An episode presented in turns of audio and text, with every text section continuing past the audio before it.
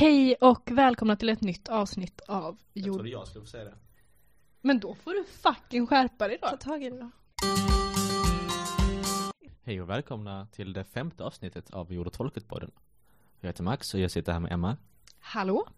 och Tove. Hallå. Och idag så ska vi ha en gäst, eh, Joel Holmdahl, som är med i styrelsen i Nordbruk. Ehm, och han är då jordbrukare, har varit aktiv i drygt tio år och håller på med andelsjordbruk. Ja, och andelsjordbruk är ju en form av jordbruk där ehm, konsumenter kan man väl kalla det då och eh, producenten delar på risken i produktionen. Så man skriver liksom upp sig inför odlingssäsongen att jag vill vara med i det här andelsjordbruket. Och ehm, oavsett hur säsongen går så eh, är man med och hjälper den här jordbrukaren. Men till exempel säg att det skulle bli eh, lite sämre skörd på en av grödorna. Man kanske får en dålig morotsskörd en säsong. Då kanske det har gått bättre för potatisen och då får konsumenterna mer potatis istället för morötter. Att det är lite mer dynamiskt liksom. Mm. I olika utsträckning beroende på vilket andelsjordbruk det är så är det också att konsumenterna då är med och hjälper till i odlingen. Eh, Det kanske är så, nu är det dags för eh, skörd av potatis. Kom och hjälp till. Ehm, Ja, och andelsjordbruk är ju väldigt, eh, det blir väldigt politiskt då att, nu kallar vi det för konsumenter och producenter, men att i, inom andelsjordbruket så blir ju konsumenten mer än en konsument, alltså den blir engagerad i jordbruket på en helt annan nivå liksom. Om man jämför med så här, den övriga liksom, globala importen av mat där man är väldigt frånkopplad produktionen. Ja, det blir ju ett sätt att ha ett mer politiskt jordbruk inom de ramar som finns idag. Liksom. Ja, och eh, Joel är ju inte bara eh, bonde i, inom det här andelsjordbruket utan han håller ju också i kurser. Han har haft en kurs om agroekologi och nu håller han en kurs om andelsjordbruk då just. Eh, och den kursen eh, ska du och jag gå Max. Ja, precis. Och den är på då Karlskoga folkhögskola. Ja. Men eh, då kanske det har blivit dags för att släppa in Joel. Mm. Hej Joel, välkommen.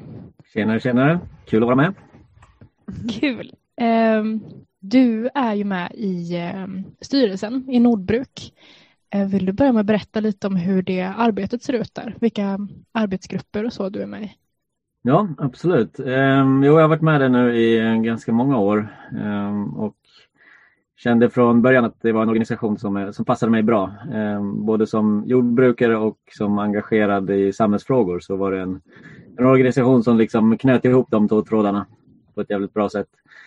Så eh, jag är ju av den yngre skaran i styrelsen så jag fick ju givetvis ta mig an eh, den tekniska biten och hemsidor och sådär.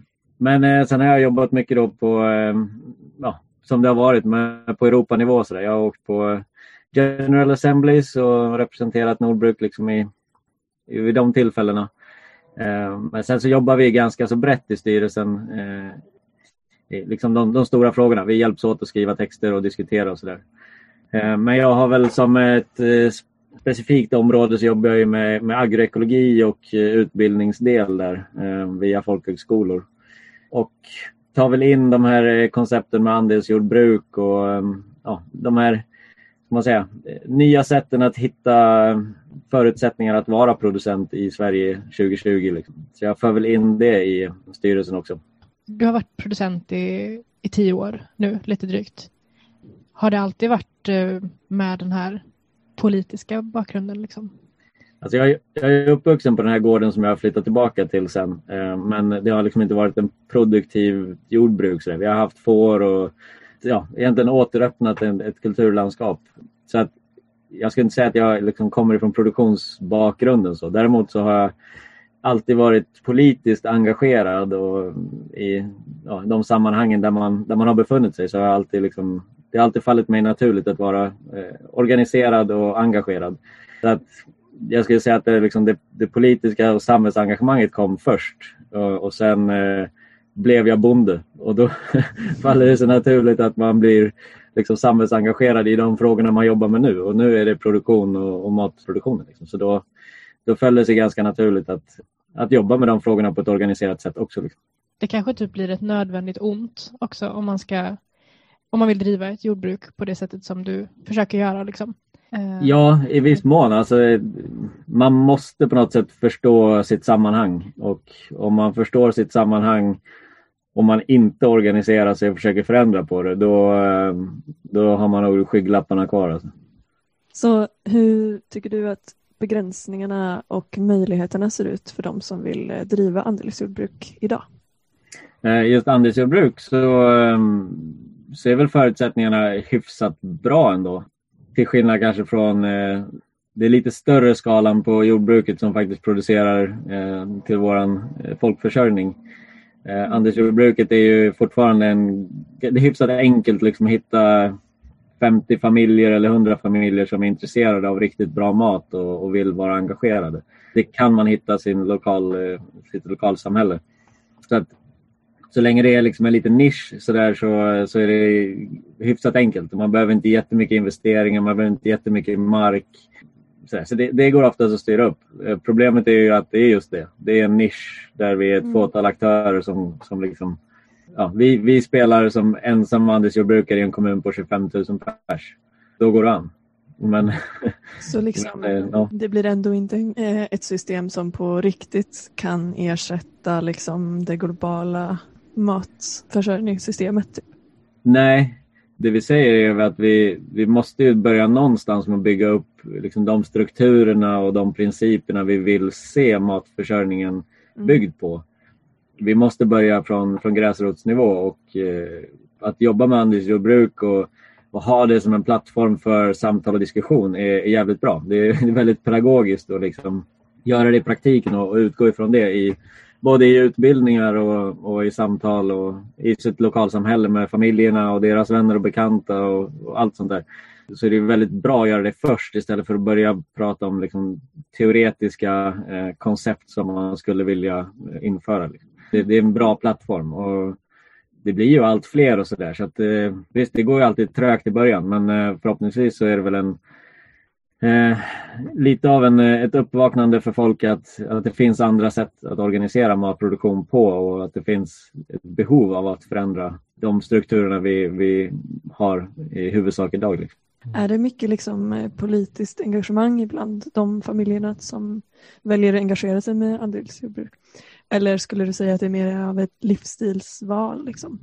Alltså det finns ju en det finns ju jättestor insikt liksom i, i hälsa och bra mat och Mm. eh, även miljötänket, alltså korta transporter och inga eh, kemiska grejer och konstgödsel och allt sånt där.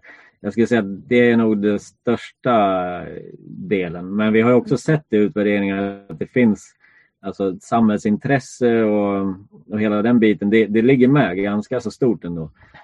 Sen är det väl svårt att säga liksom att det är en, en politisk radikal liksom medvetenhet som, som gör att vi har 40 familjer som, som vill leverera till sådär, som är medlemmar i vårt andelsjordbruk. Så att, till viss mån absolut ett, ett samhällsmedvetenhet men kanske inte en sån radikalism som man kanske får det att låta som. Ju, det känns ju generellt som en väldigt eh, bra politisk strategi att faktiskt kunna visa på ett alternativ och sen kanske det alternativet inte är fullständigt liksom.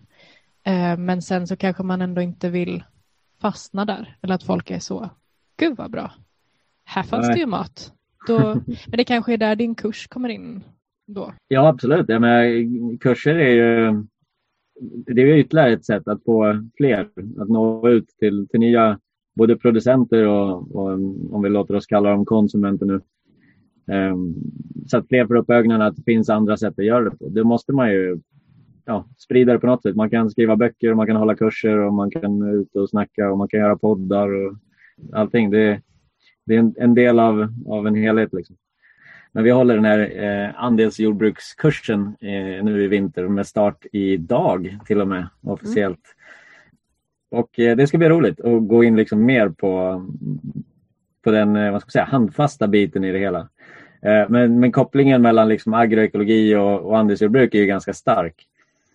Om man liksom zoomar ut eh, så pratar vi liksom om matsuveränitet som, som ett koncept, en målsättning för hur vi vill eh, organisera eh, matförsörjningen befolkning och på vilka principer och rättigheter och alltihop man, man vill göra det.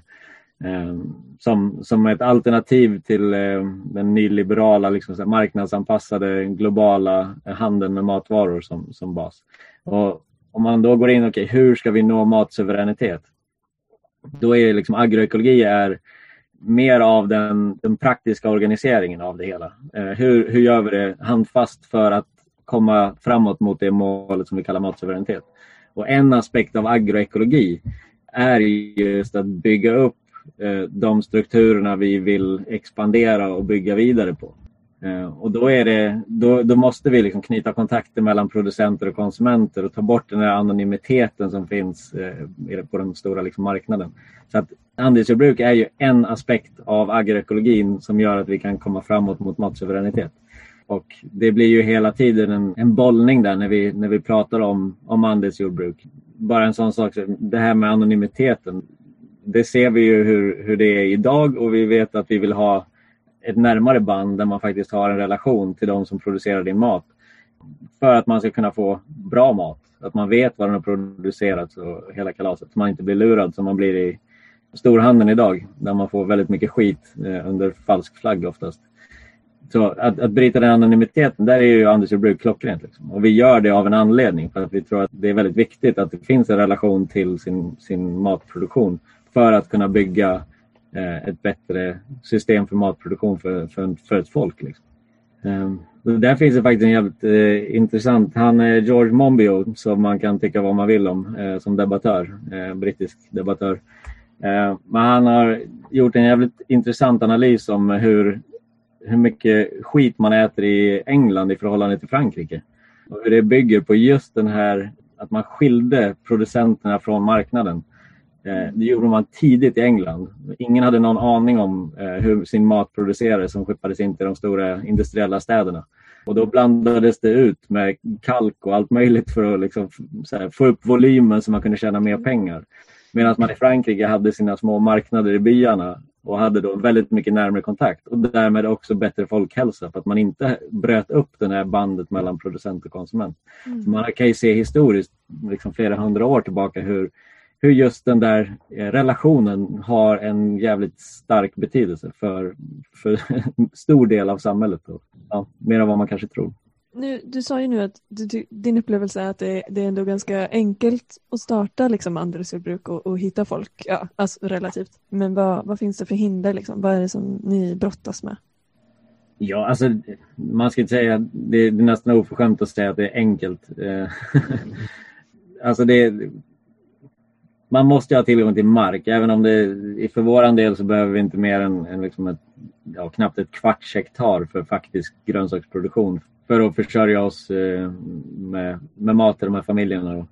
Men eh, det är ju det första, att man måste ha tillgång till, till mark. Och har man inte liksom, fått det av sin familj eller någonting sånt där så, eh, så är det inte jätteenkelt att få tag på jordbruksmark. Beroende på var man bor också, men alltså desto närmre tätbefolkade områden där man är desto svårare är det att få tag på jordbruksmark. Eh, så det, är det, det är det första hindret och där finns det ju jättemycket att diskutera om hur det ser ut på liksom landmarknaden i Sverige. Men sen är det klart, det är inte, det är inte jättebra lön på det hela och man blir direkt liksom egen företagare och hela det här kalaset. Så att man får ju man får ta en stor del av risken i ett initierande läge om man inte bygger vad säga, sin, sin medlemsbas, sin organisation från start. Vilket eh, hade varit jävligt kul att göra om, man inte, om jag inte hade liksom bott på en gård och fått mark och, och maskinpark eh, givet från start. Då hade det varit eh, jävligt roligt om man hade haft modet nog att liksom skapa en organisation först och göra det som en förening eller dylikt liksom från start, till och med med investeringarna. Vilket inte är omöjligt heller. Um, du menar alltså att de som vill vara med får vara med och investera också rent? I, precis, man faktiskt startar alltihop tillsammans. Mm. Uh, det är lite speciellt i Sverige att i stort sett alla andelsjordbruk är ju producentinitierade. Alltså det är, en, det är en producent som har tillgång till, till mark och, och maskiner och alltihop som letar upp eh, intresserade konsumenter. Och här, vill, vill du vara med i, i vårt andelsjordbruk? Det är ju unikt. Alltså, det är bara i Sverige det ser ut så. Mm. Och det är på grund av eh, svensk lag liksom. Ja, det är nog lite svårare än så. Vi har inte kommit fram till något riktigt bra svar. Men alltså, bara du kollar i Norge så är det precis tvärtom. Där är nästan allting, eh, åtminstone till del, initierat av, av medlemmar eller alltså, konsumenter som har letat upp en bonde eller någonting sånt. Och samma i Danmark ser det också annorlunda ut. Går du ner i Frankrike och Tyskland så är det extremt annorlunda. Så att det, Sverige sticker ut. Men vi tror att det kan ha att göra med att det är ganska stark eh, marknad för ekologiskt i Sverige och har varit det under en lång tid. Så att de medvetna konsumenterna har, liksom, de har gått till affären och köpt krav. Och då har de varit ganska nöjda med det. Medan i, i Norge så har man inte haft riktigt samma ekologiska marknad och då har man varit tvungen och varit mer kreativ för att eh, skapa de alternativ man vill se. Det kan ha en del med det att göra. Sen kan det vara så här, eh, viljan att ta ansvar i Sverige. Vi har ju kanske sett en något nedåtgående trend i föreningslivet i Sverige som kanske återspeglas även på andelsjordbruk. Alltså de stora frågorna är dels hur man organiserar sig för att bygga, verkligen bygga ett engage, engagemang hos, hos medlemmar i andels, andelsjordbruk. Mm. Och då är ju ekonomisk förening till exempel en, en väldigt bra, eh, bra organisationsform. Sen eh, hade man ju velat ta det ett steg till och då handlar det om att liksom vara flera producenter som samarbetar inom en eh, medlemsbas. Precis. Vilket finns internationellt, då, multifarm CSAs. Mm. Eh, vilket är jätteintressant och någonting vi liksom inte har ens nosat på i ett svenskt sammanhang. Men vi har väl liksom kommit in på att den diskussionen eh, den diskussionen har påbörjats i Sverige. Vi har dragit några små trevare till, eh, till andra som är liksom inne på ungefär samma saker. Men eh, inte kommit något vidare långt. Eh, så det är ju intressant. Det som är bra med andelsjordbruk är att vi säljer ju inte grönsaker. Vi, vi, påverkar inte priset på vitkål för att vi säljer ju inte vitkål. Så att, eh, det, det är en god aspekt av det hela.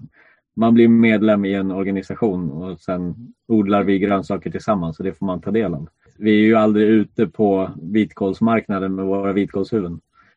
Mm. Eh, Så att det där går nog att komma runt ganska så, ganska så enkelt tror jag.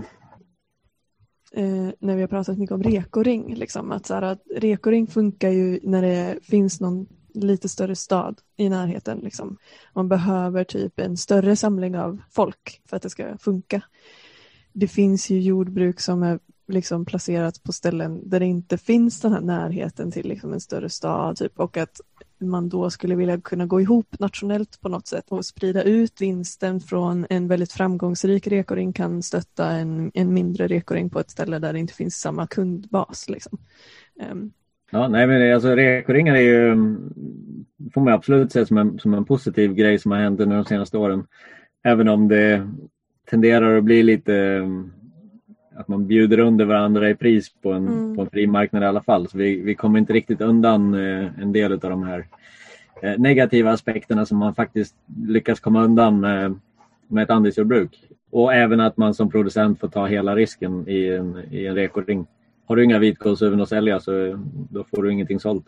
Om det var ett skitår för just vitkål. Men eh, andelsjordbruket har ju den det är ju den enda formen som faktiskt har den aspekten att man delar på risken. Att man bryter den här uppdelningen mellan producent och konsument. Utan, okay, det här gör vi tillsammans. Blir det ett bra år så får ni mer. Blir det ett skitår så blir det mindre. Och när det ska skördas potatis då måste vi ha hjälp. Och när det ska plockas brytbönor måste vi ha hjälp. Och, eh, nu är jag sjuk så någon annan måste packa kassarna. Det, det Mm. finns, en, finns ett engagemang och en uppbackning som gör att man inte behöver ta smällen helt som producent. Det blir ju verkligen, ehm, vi pratade om det lite i podden med Torgny, att det fanns mer av ett eh, socialt skyddsnät innan för bönder. Liksom att man kanske, ja, men, som du sa, om man blir sjuk, att då kan man få en avbytare som hjälper en under en period. Liksom. Och det ska ju inte behöva vara så, men det här är ju verkligen att bygga sitt eget alternativ till det. Och sen så vill man att det inte ska behöva vara på nåder liksom, och att det ska kunna starta fler andelsjordbruk nära ditt andelsjordbruk. Att det inte ska behöva vara en konflikt. Liksom. Nej, nej, Eh, nej, och jag tänker alltså om, om det ska kännas som en konkurrenssituation om det blir ett andelsjordbruk till på 25 000 pers i vår kommun eh, när vi har 40 familjer själva, då, då har vi liksom misslyckats i organisationsaspekten av det hela. Då får vi ju, vi måste ju stötta alla som vill bli producenter. Sen får vi ju jobba med, med folkbildning för att se till att det finns nog mycket eh, engagemang och, och delaktighet så att vi får det att funka. Liksom. Eh, men alltså inte liksom bygga strukturer där vi hamnar i konkurrens med varandra. Vi måste ju liksom kunna samarbeta och stödja varandra rakt upp och ner. Så där får man ju vara jävligt, jävligt öppen och, och på och försöka vara stöttande hela tiden. Liksom. Vad, vad, ser du då för möjligheter för det här som du sa med um, Multifarm CSA um, ehm, och så i Sverige? Eh, jag tror att det, det är nog bara en, en, tidsfråga innan det liksom någonstans finns eh, mognad i organisation och eh, medvetenhet för att det ska uppstå. Vårat stora problem där jag befinner mig är att det är så jävla långt till närmsta producent så jag har liksom ingen riktig... jag kan inte riktigt pusha den biten här. Eh, vi har försökt få några liksom att starta handelsjordbruk här i krokarna men det är...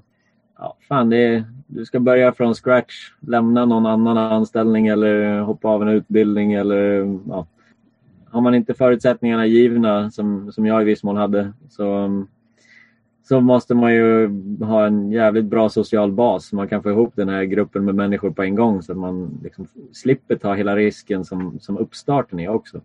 För det är, ju den, det är ju kanske den största risken när man ska starta produktion. Det är ju liksom hur fan det, det, är en lärandekurva. Liksom första ett, två, tre åren man ska börja producera mat på en ny plats eller där man inte har gjort förut. Lära sig maskiner, lära sig odling, platsen, väder, alltihop. Det är hur mycket som helst. Så att ta den smällen på egen hand, det är ju det är tungt. Och det gjorde vi ju också här. Vi, vi körde ju liksom igång och när vi väl hade gått igenom tunga åren, då startade vi andelsjordbruk. Så vi, vi fegade ut lite i start också, men det var ju för att det var var ett ganska okänt koncept då i Sverige. Mm. Så hur sålde ni då i början?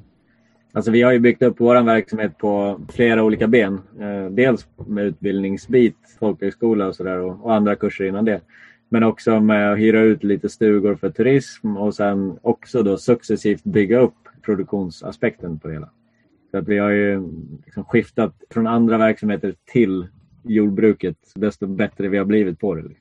Eh, men i början sålde vi, vi sålde lite grann sådär på, på marknader och sådär. Men vi gick över, ja, egentligen fort vi hade grönsaker så vi kunde försörja tio familjer på halvårsbasis så, så startade vi ett, ett andelsjordbruk med, jag tror vi var tolv familjer första året tänker på det som är skillnader med andra länder. Um, som du nämnt lite med att i andra länder så är det mer kanske initierat av, av konsumenterna då. Finns det någon koppling till hur uh, politiskt medvetna andelsjordbruken ser ut i Sverige jämfört med andra länder? Um, ja, jo, alltså det finns en sån aspekt. Uh, I Sverige så är det, i och med att det är producentinitierat väldigt mycket, så är det ju mycket så att producenter vill hitta en form som gör att de kan bedriva sin verksamhet. Alltså det blir ganska mycket företagskoncept av det. Det ligger lite i sin natur när det är en producent som är ett eget företag som ska hitta en, en modell för att leverera och producera. Sen liksom får man plocka in det engagemanget successivt. Ehm, så den aspekten har man inte på samma sätt i andra länder utan där är det ju är oftast producenten en del av en social process eh, där man har liksom medvetenheten och, och organisationen från början. Så vi saknar väl lite den här engagemanget och medvetenheten både hos producenter och konsumenter i Sverige skulle jag säga. I viss mån. Men det där är en jävligt intressant diskussion. Hur, hur i helvete det kan bli att Sverige är ett sånt liksom, unikum i förhållande till alla andra länder. I, liksom, vilka det är som tar initiativ. Så. Någon, någon på SLU borde skriva en rapport om det där. Men Joel, skulle du vilja berätta lite om hur det hur ser det ut på Rickenstorp? Liksom? Vad är, hur är förutsättningarna för att odla och hur funkar allt? Ja, eh, absolut. Eh, jo, det är en jävligt intressant plats att um, befinna sig på och försöka producera mat. Det är ju mitt i skogslandskapet i nordligaste Örebro län. Vi har ett stenkast till Dalagränsen åt tre håll och det här är alltså en gammal finngård som, eh, som svedjades på tidigt 1600-tal. Att man, det kom eh, hit folk från Finland och de hade sin odlingsteknik med att bränna ner skogen och odla i askan och sen låta skogen växa upp igen och så komma tillbaka en generation senare ungefär. Um, och det, var, det här bodde ingen, det var därför finnarna fick etablera sig här. Uh, och ganska snart så fick man svedjeförbud, alltså redan efter mitten 1600-tal. Och var då tvungna att, att här, etablera permanent åkermark i granskog. Uh, mm. Stenet är bara helvete. Det är alltså sån här podsoljord. Alltså det, det är lite förna med, med barr och sen har du bara sand och ingenting. Det finns ingen matjord alls naturligt mm. i skogen här. Liksom. Vilket man ser om man går fem meter från åkerkanten så gräver du en grop så är det så här, här finns ju ingenting att odla i. det är inte någonting. Så att man fattar ju vilken situation de har suttit i. Så att eh, nyckeln med det är ju liksom skogsbetande djur som man tar hem, får gödsel eh, och gödslar upp åkermarkerna. Mm. Så, um, vi är, gården är en kilometer lång sydsluttning på mm. en, en ås som, som det lutar åt. Det lutar inte bara liksom 10% ner mot sjön som ligger i sydläge, det lutar åt, åt både öst och väst också. Så vi kan säga att vi har bra, bra avrinning. har vi. Eh, men man har jobbat då liksom i 300 år eh, drygt för att bygga upp den här matjorden genom, genom skogsbetande djur. Eh, och, det är en, och dragit sten, alltså det ligger stenrösen överallt. Och sammanlagt så har vi ungefär fem hektar eh, åkermark, vilket inte är jättemycket. Men i och med att det egentligen bara är sand att börja med och de har lyckats få upp 25-30 centimeter matjord så är det ju 60% sand i våran matjord. Och eh, Sen har det ju varit då väldigt långliggande vallar under, i synnerhet då under 1900-talet eh, när det stod öde en bit innan mina föräldrar eh, började återuppbryta gården på 70-talet. Eh, så att vi har ju hög eh, mullhalt.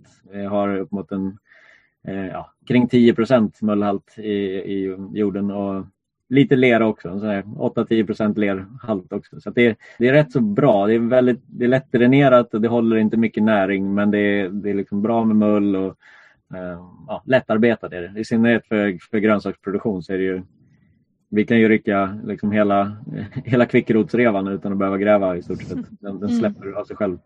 Så det, det, det, är bra på det sättet. Det blir aldrig liksom att stå vatten och bli problem av den anledningen. Men eh, ja, det, det problemet som grönsaksodlare är ju då att man måste man måste gödsla hela tiden för det, det finns inga egentliga förråd av, av näringsämnen. Så det är ganska snabb omsättning på grejerna. Ja, och, och så har ni djurhållning också. Ja, vi har eh, ett dussin får och eh, två fjällkor som vi tar kalv på. Vi har i synnerhet har vi två olika betesdjur för att kunna rotera och, och få lite, lite högre biologisk mångfald där. Det underlättar för parasittryck och, och annat. Så det, är bra. Sen har vi en liten besättning med 50-tal eh, höns för äggläggning och sådär som också har en egen prenumerationsmedlemsbas. Och det är bra. Vi behöver både stallgödsel och hönsgödsel och sådär till grönsaksodlingarna. Så det, det, behövs. Ska man ha en, liksom en mångfaldsproduktion på en liten gård då måste man också ha eh, många olika delar som backar upp varandra och som håller den här cykeln igång. Liksom. Jag tycker det är väldigt intressant det här med svedjebruk och så. Att både då när liksom gruvindustri och sånt växte fram att då ändrades synen på svedjebruk och sen så eh, helt plötsligt några hundra år senare så var det bra igen och sånt där. Att det är väldigt mycket byråkrati alltid i jordbruk och att man kanske kan likna det med. För visst har ni, eh, vi skogsbetar djuren nu också? Vi har några hektar med skogsbete, ehm, men det är på egen mark. Jag har inte riktigt vågat utmana Stora Enso på skogsbetesfronten än. Men eh, vi får se. Jag håller, jag, det är så att det här är, vi är den enda gården egentligen som finns kvar. De, nästan alla gårdar här ute är ja, i stort sett Ja, de är inte aktiva och finns det någon åkerlapp kvar så är den liten. De flesta åkrarna är planterade med granskog och Många gårdar är nedbrända på första hälften av 1900-talet för att de ansågs vara för små och ineffektiva. Så, så um, den närmsta åkermarken som vi har, om vi skulle vilja liksom, återuppbryta ny åkermark eller gammal åkermark, den ligger på Stora Ensos mark. Um, jag var i kontakt med dem och frågade så skulle vi, för det växer halvsketen björkskog på den marken just nu. Mm. Skulle vi kunna liksom ha ett arrende där vi får, om ni skördar av björken så kan vi åter, återta den här åkermarken. Så Eh, Mm. Både kulturvärden och miljövärden och alltihop och levande landsbygd och allting. Jag fick ett väldigt kort mejl tillbaka. Att det, var, det låg bra till för eh, produktion och eh, de hade inget intresse av att göra någonting. Så tack för mejlet men nej. Okej, Så det var, vad bra. ja, det var liksom ingenting där. Mm. Jag tänkte i relation till, eftersom det ändå är ett eh, bidragssystem liksom, om man ska bedriva jordbruk på det här sättet, som det ser ut idag. Att ni har väl haft mycket problem med byråkrati rent liksom, eh, ja men nu ska vi ha tre träd eh, på den här plätten för att det ska räknas som eh, skogsbete, typ. Känns det som att det präglar mycket av din verksamhet liksom? Ja, alltså det, är- det är klart att det, det tar ganska, det tar mer energi än vad det tar tid. Och man är, här, relationen till byråkratin är, känns upp och ner. Det ska vara våra institutioner, liksom. Länsstyrelsen och de här ska jobba, jobba för oss, människorna, folket, befolkningen. Men de har ju fått mer av liksom en, en kontrollverksamhet. Det är någon sorts jordbrukspolis. Mm. Eh, så här, ska kolla att man inte fimpar på trottoaren. Liksom. Eh, så det, är- ja, det, det är lite jobbigt. Sådär. Man, man står med, med mössan i hand och, och liksom har ingenting att säga till om. Och Mm. Nu senast så klockade de in 25 gånger 25 meter där vi inte hade dragit bort allt ris efter någon gammal gran. Så. Mm. Och då ska de GPSa bort det från betesmarkerna då, för det ska vi inte ha stöd för där kan ju inte växa något gräs.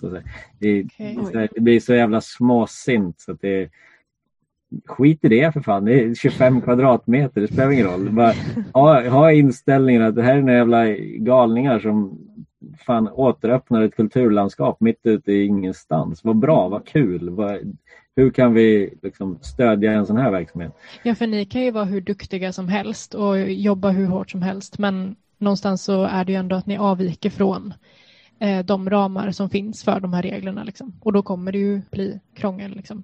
Jo, och det, det här med att det förändras hela tiden som du nämnde med, med trädantal i betesmark. Det är ju en, ja, de kör ju också sina femårsplaner eh, hela tiden och det kommer nya regler. Och ena stunden så, så bedöms det på antal träd per hektar, punkt. Och då var det lika mycket i en svensk björkhage som i en ekskogshage i Spanien. Liksom. Det är ekar och björk är inte riktigt samma sak.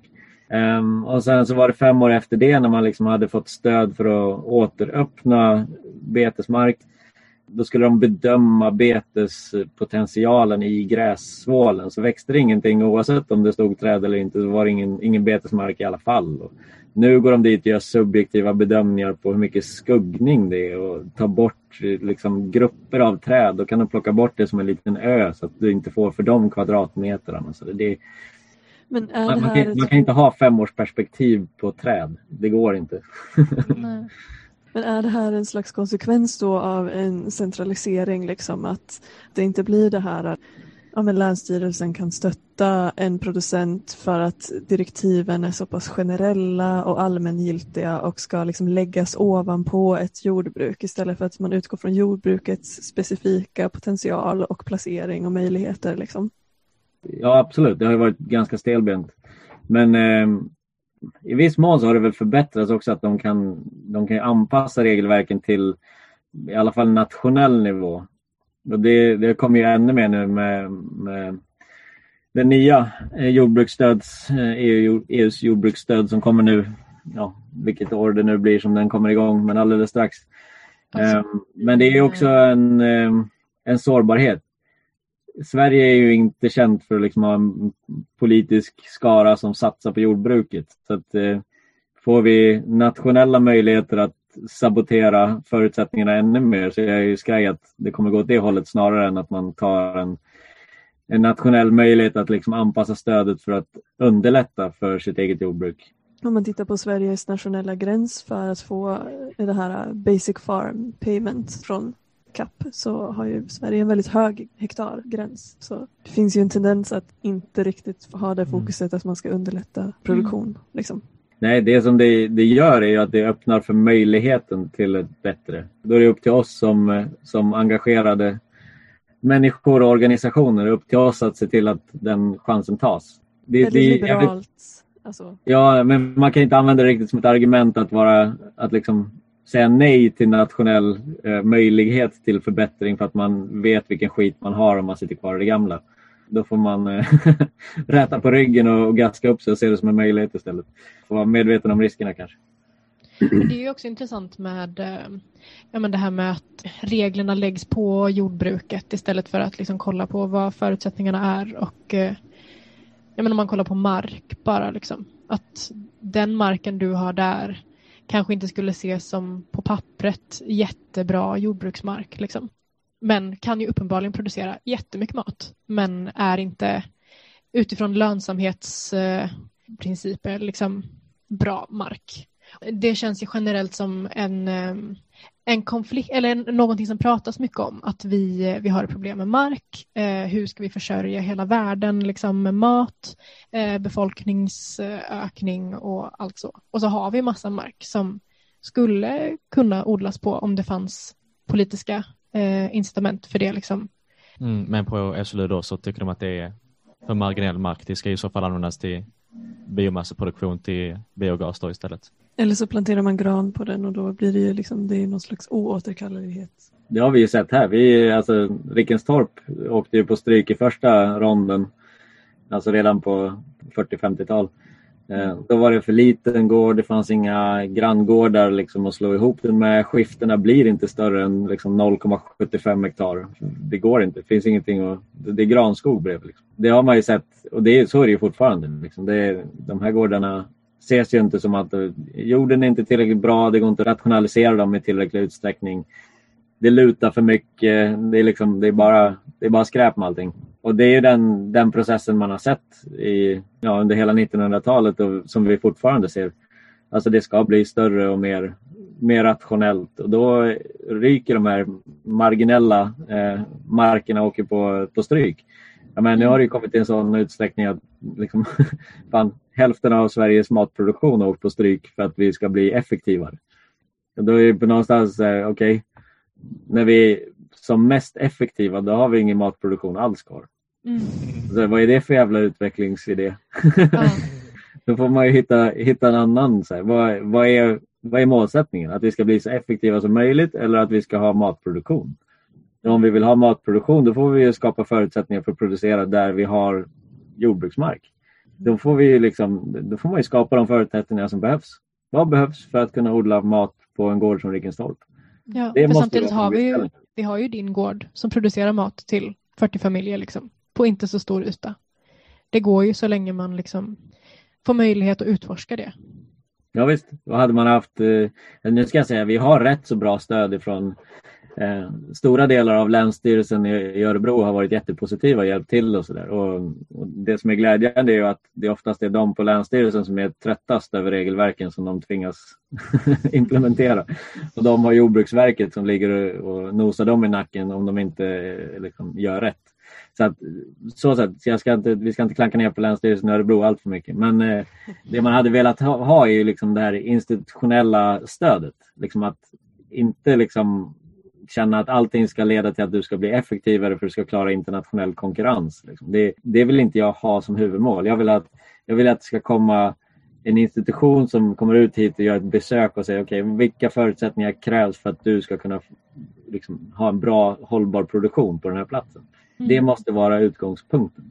Så nu bygger det mycket på att ni råkar ha en god relation till just Länsstyrelsen i ert län och, och att det kan också snubbla på att, att man kanske inte har det. Eller det, jag tänker att det beror på mycket på personerna som jobbar där. Liksom, att det ska inte vara det det hänger på utan det ska hänga på det institutionella stödet. Ja visst, ja, men alltså det, egentligen behövs det en, en, politik som sätter upp målsättningar för vad, vad ska vi göra i Sverige vad gäller matproduktion och hur ska vi nå dit?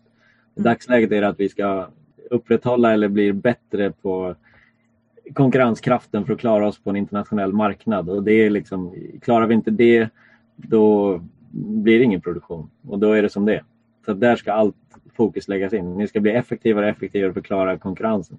Det ligger ju liksom i, i frågans natur också i och med att vi som, som eh, medlemmar i EU och med hela det internationella handelssystemet så så om man inte ifrågasätter det och vill liksom säga att vi, vi ska ta bort matproduktionen ifrån frihandelssystemet, Så om man inte utmanar det och vi sitter fast i en fri marknad där vi måste importera eh, ja, livsmedel och, och, andra produkter som relaterar till jordbruket. Då finns det ju bara en väg kvar och det är ju att försöka konkurrera. Där. Att det, är, det är svårt att se någon annan väg om man inte vågar utmana de grundpremisserna.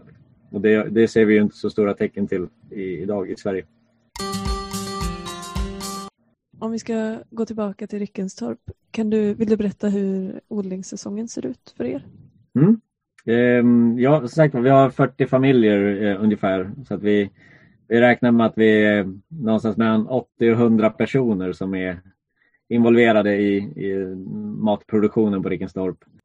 Och vi, eh, vi siktar på att ha så lång säsong som möjligt. Eh, och just nu så i år så levererade vi från eh, eh, sista veckan i maj började vi och vi har tre veckor kvar nu så vi ska leverera januari ut. Så vi kör åtta månader. Och det är lite så här, jag vill inte vara en nisch. Det är inte min ambition utan vi vill vara en del av, av matförsörjningen i, i det här landet. Och då är det så här, människor vill ju äta också i februari, mars, april och även i början på maj. Så då har vi som ambition liksom att jobba mot det. Och det är en liten utmaning att få en så lång säsong. Och det är, alltså vad, vad som man kan odla varierar ju väldigt mycket. Men man försöker ändå få substans. Så det gäller ju att få, få upp majrovorna tidigt så att man har lite rotsaker i, i maj där. Och sen har vi en jordkällare, naturstenskällare eh, från eh, ja, mitten 1800-tal som vi stoppar ner ett par ton med rotsaker där i, i oktober som vi sitter och levererar nu. Tillsammans med surkål som de får varje vecka, olika, olika smaksättningar. För att liksom få en, en fullgod eh, eh, grönsaksdiet även i januari. Eh, så vi, det är en lång säsong sådär. Men vi odlar på ehm, eh, upphöjda bäddar, permanent upphöjda bäddar. Eh, de är 25 meter långa, 90 centimeter bred odlingsyta, alla likadana för att vi lätt ska kunna beräkna åtgång av utsäde, kunna beräkna vad vi får i skörd, ehm, ja, alltihop. Alla beräkningar som är gödsel och, och allting sånt där. Så standardiserade i, liksom, i odlingsytor för varje skifte är väldigt, väldigt mycket värt. Och sen har vi, vi har haft en åttaårig växtföljd, vi håller på att gå upp till en tioårig så, små, så småningom här. Eh, där vi kan rotera runt så att vi egentligen är helt eh, fria ifrån risk för, eh, för jordburna sjukdomar om, om det inte kommer med redskap. Då. Eh, använder ju inga konstgödsel, inga bekämpningsmedel eller någonting. Så. Och vi försöker bjuda in våra medlemmar varje vecka till, i alla fall under, liksom, under skördesäsong när det, när det är mycket jobb. Eh, för det är just de här sockerärtorna, brytbönor, Eh, Eh, det är sådana saker som tar så jäkla lång tid att skörda. Och vi, är det så i, i juli, augusti och det är 25 grader varmt, solen skiner, då, är det, då går det fort med, med gröna blad för att de ska bli vissna. Så att vi försöker skörda allting på torsdag förmiddag och leverera på, vid torsdag lunch. Liksom. Kan man så skördar man ju redan saker på, på onsdagen om det är rotsaker och sådär. Och då kan vi kyla ner i jordkällan som håller 10-12 grader under sommaren. Så där, för hålla det under natten och så leverera.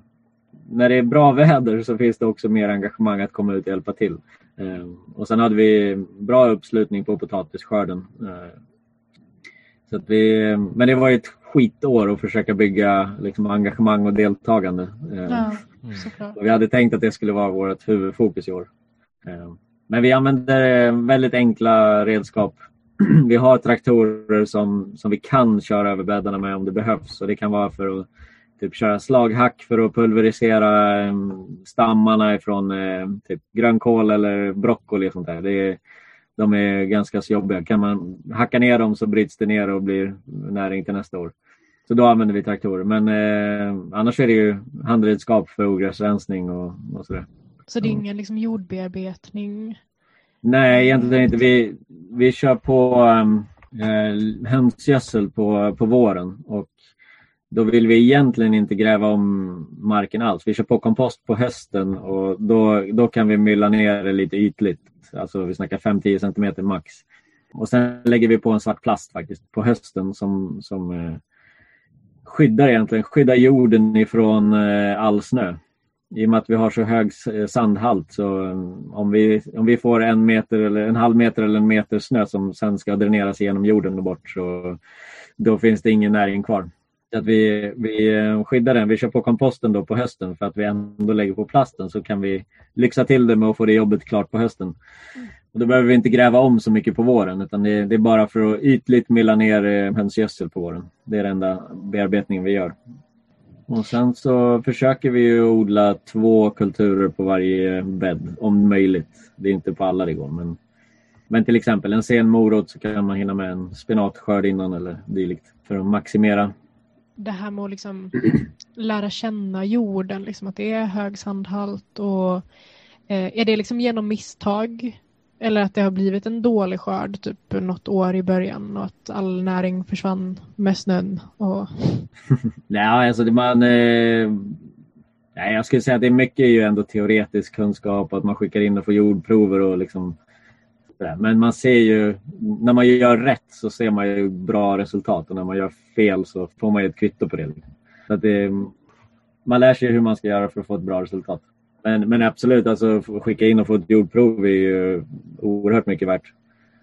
Men den här andelsjordbrukskursen, eh, som jag förstår det som så inkluderar det även systemfrågor där i som allmänt med hur matförsäljningssystemet fungerar och så vidare. Eh, vill du prata lite om det? Eh, alltså för mig är ju andelsjordbruk så stenhårt kopplat till, till hela eh, samhällsfrågorna kring matförsörjning. Jag ser ju det som liksom ett ett konkret steg för att bygga de strukturerna vi vill se. Så det, det, det är i det sammanhanget vi, vi gör den här kursen. Och jag tror ni har i litteratur till inledningen till och med så tror jag ni har ett utdrag ifrån A Foodies Guide to Capitalism som mm. sätter det hela matsystemet i liksom, uh, verkligen i, i våra samhällsekonomiska system i perspektivet men det, när vi jobbar vidare sen med kursen så kommer vi komma in på allt det där. Eh, egentligen redan när vi pratar om eh, historik och nutid och så där. Så varför finns det ens ett behov av att prata andelsjordbruk? Alltså var, varför har vi inte ett matsystem som fyller den funktionen det ska, det ska fylla i alla fall? Liksom? Så där måste vi komma in och förstå vad, vad har vi haft och vad har vi för situation nu och varför, varför behöver vi göra en kurs om andelsjordbruk för att försöka sporra fler att bli producenter. Och då, då glider vi redan där in på, okej, okay, vi, vi är under hälften i självförsörjande grad i Sverige. Jävligt mycket marker som skulle kunna producera bra mat ges inte förutsättningar för att göra det. Kan vi hitta, innan vi liksom lyckas ändra på hela det politisk-ekonomiska systemet, kan vi hitta någon jävla väg att göra det i alla fall? Ja, kanske andelsjordbruk kan vara en sån del att tillsammans med sitt närområde och, och folk hitta en sån lösning. Ehm, här i, i Andis-kursen så är vi liksom inne på en aspekt av hela den här agroekologin som vi jobbar med för att liksom nå eh, någon typ av förändring i, i samhällets utveckling. Och då kan vi gå ner på liksom den konkreta nivån på en gång. Eh, när vi hade agroekologikursen så är det lite större för det spänner ju liksom över man, man tror att man gick kursen för att bli självförsörjare, även fast vi skrev jävligt tydligt i vad kursen handlade om, att det var mycket samhällsengagemang och politik och grejer. Så mm. var det väldigt många som kom dit med, med tron att de ville bli självförsörjare. Vi sa att vi ägnade egentligen 35 veckor av den kursen för att förbereda dem för, för Torgny Östling som kom dit på avslutningsträffen. Och ni har ju haft honom här i podden innan. Så det, var så här, det var 35 veckors förberedelse. Han kunde komma dit och så här, slå näven i bordet, berätta hur det ligger till. Och det, det behövdes, för folk blir så här, shit, jag hade ju ingen jäkla aning om det här. Det var många sådana tillfällen under kursen. Så jag hade ingen aning om det här. Varför har ingen sagt någonting? Och så varför, vad, va? Mm. Och sen ja, försöker vi liksom knyta ihop allting med... Och många kommer ju, har ju gått Anders-kursen som en följd av det. Man ser liksom, okej, okay, så här ser det ut. Det här är ju inget bra. Vad fan ska vi göra åt det? Och då blir liksom andelsjordbruk, har man möjligheterna, vill man vara liksom en engagerad eh, icke-producent eller en producent? Så här, vad, hur, hur ska jag kunna bidra till den här förändringen? Jag, jag tycker att det här är skit och jag vill att det ska bli bättre. Vad kan jag göra? Ja, andelsjordbruk kan vara en, en möjlighet. Eh, och den är inte bara knuten till producenter utan även då konsumenter kan ta ett steg och bli mer än en konsument. Liksom. De eh, samspelar. Men det ska, det ska bli ganska roligt nu att gå ifrån det här eh, stora liksom helomspännande där vi måste snacka om allt från liksom EU-byråkrati till handelspolitik till eh, ja, 67 års jordbrukspolitiska beslut och, alltså, och kan vi gå ner liksom, okej okay, hur, hur fan bygger vi upp ett alternativ handelsjordbruk? Det, det kommer fortfarande vara hela den här att sätta in det i ett sammanhang men det, nu är det lite mer lösningsinriktat än eh, kanske än, än vad agroekologikursen var. Jag tycker det är så himla pepp och verkligen få något konkret att förhålla sig till typ för agroekologi till exempel, just att det är ett så brett begrepp och det är väl bra på många sätt att det är ett brett begrepp för att det ska kunna innefatta många olika frågor liksom. men det gör också att det väldigt lätt kan kidnappas av ja, men, strömningar som kanske inte riktigt har som mål att åstadkomma Matsuveränitet. matsuveränitet ja. Mm. Um, ja, att det inte bara blir någon liksom vag nisch typ. Ja, det finns ju man kan, två aspekter som jag tycker är jätteviktiga när man tänker på agroekologi. Det ena är som, som jag var inne på här. Om det inte har målsättningen att jobba mot matsuveränitet, då är det inte min, då är det inte min definition och inte Via Campesinas definition av agroekologi. Mm. Då kan det vara en, någon mer akademisk eh, variant av det som, som jobbar med ekosystemtjänster och andra. Och den andra då viktiga definitionen, som, eller delen av det som, som gör att det är eh, via Campesinas agroekologi, det är att det finns den här sociala dimensionen.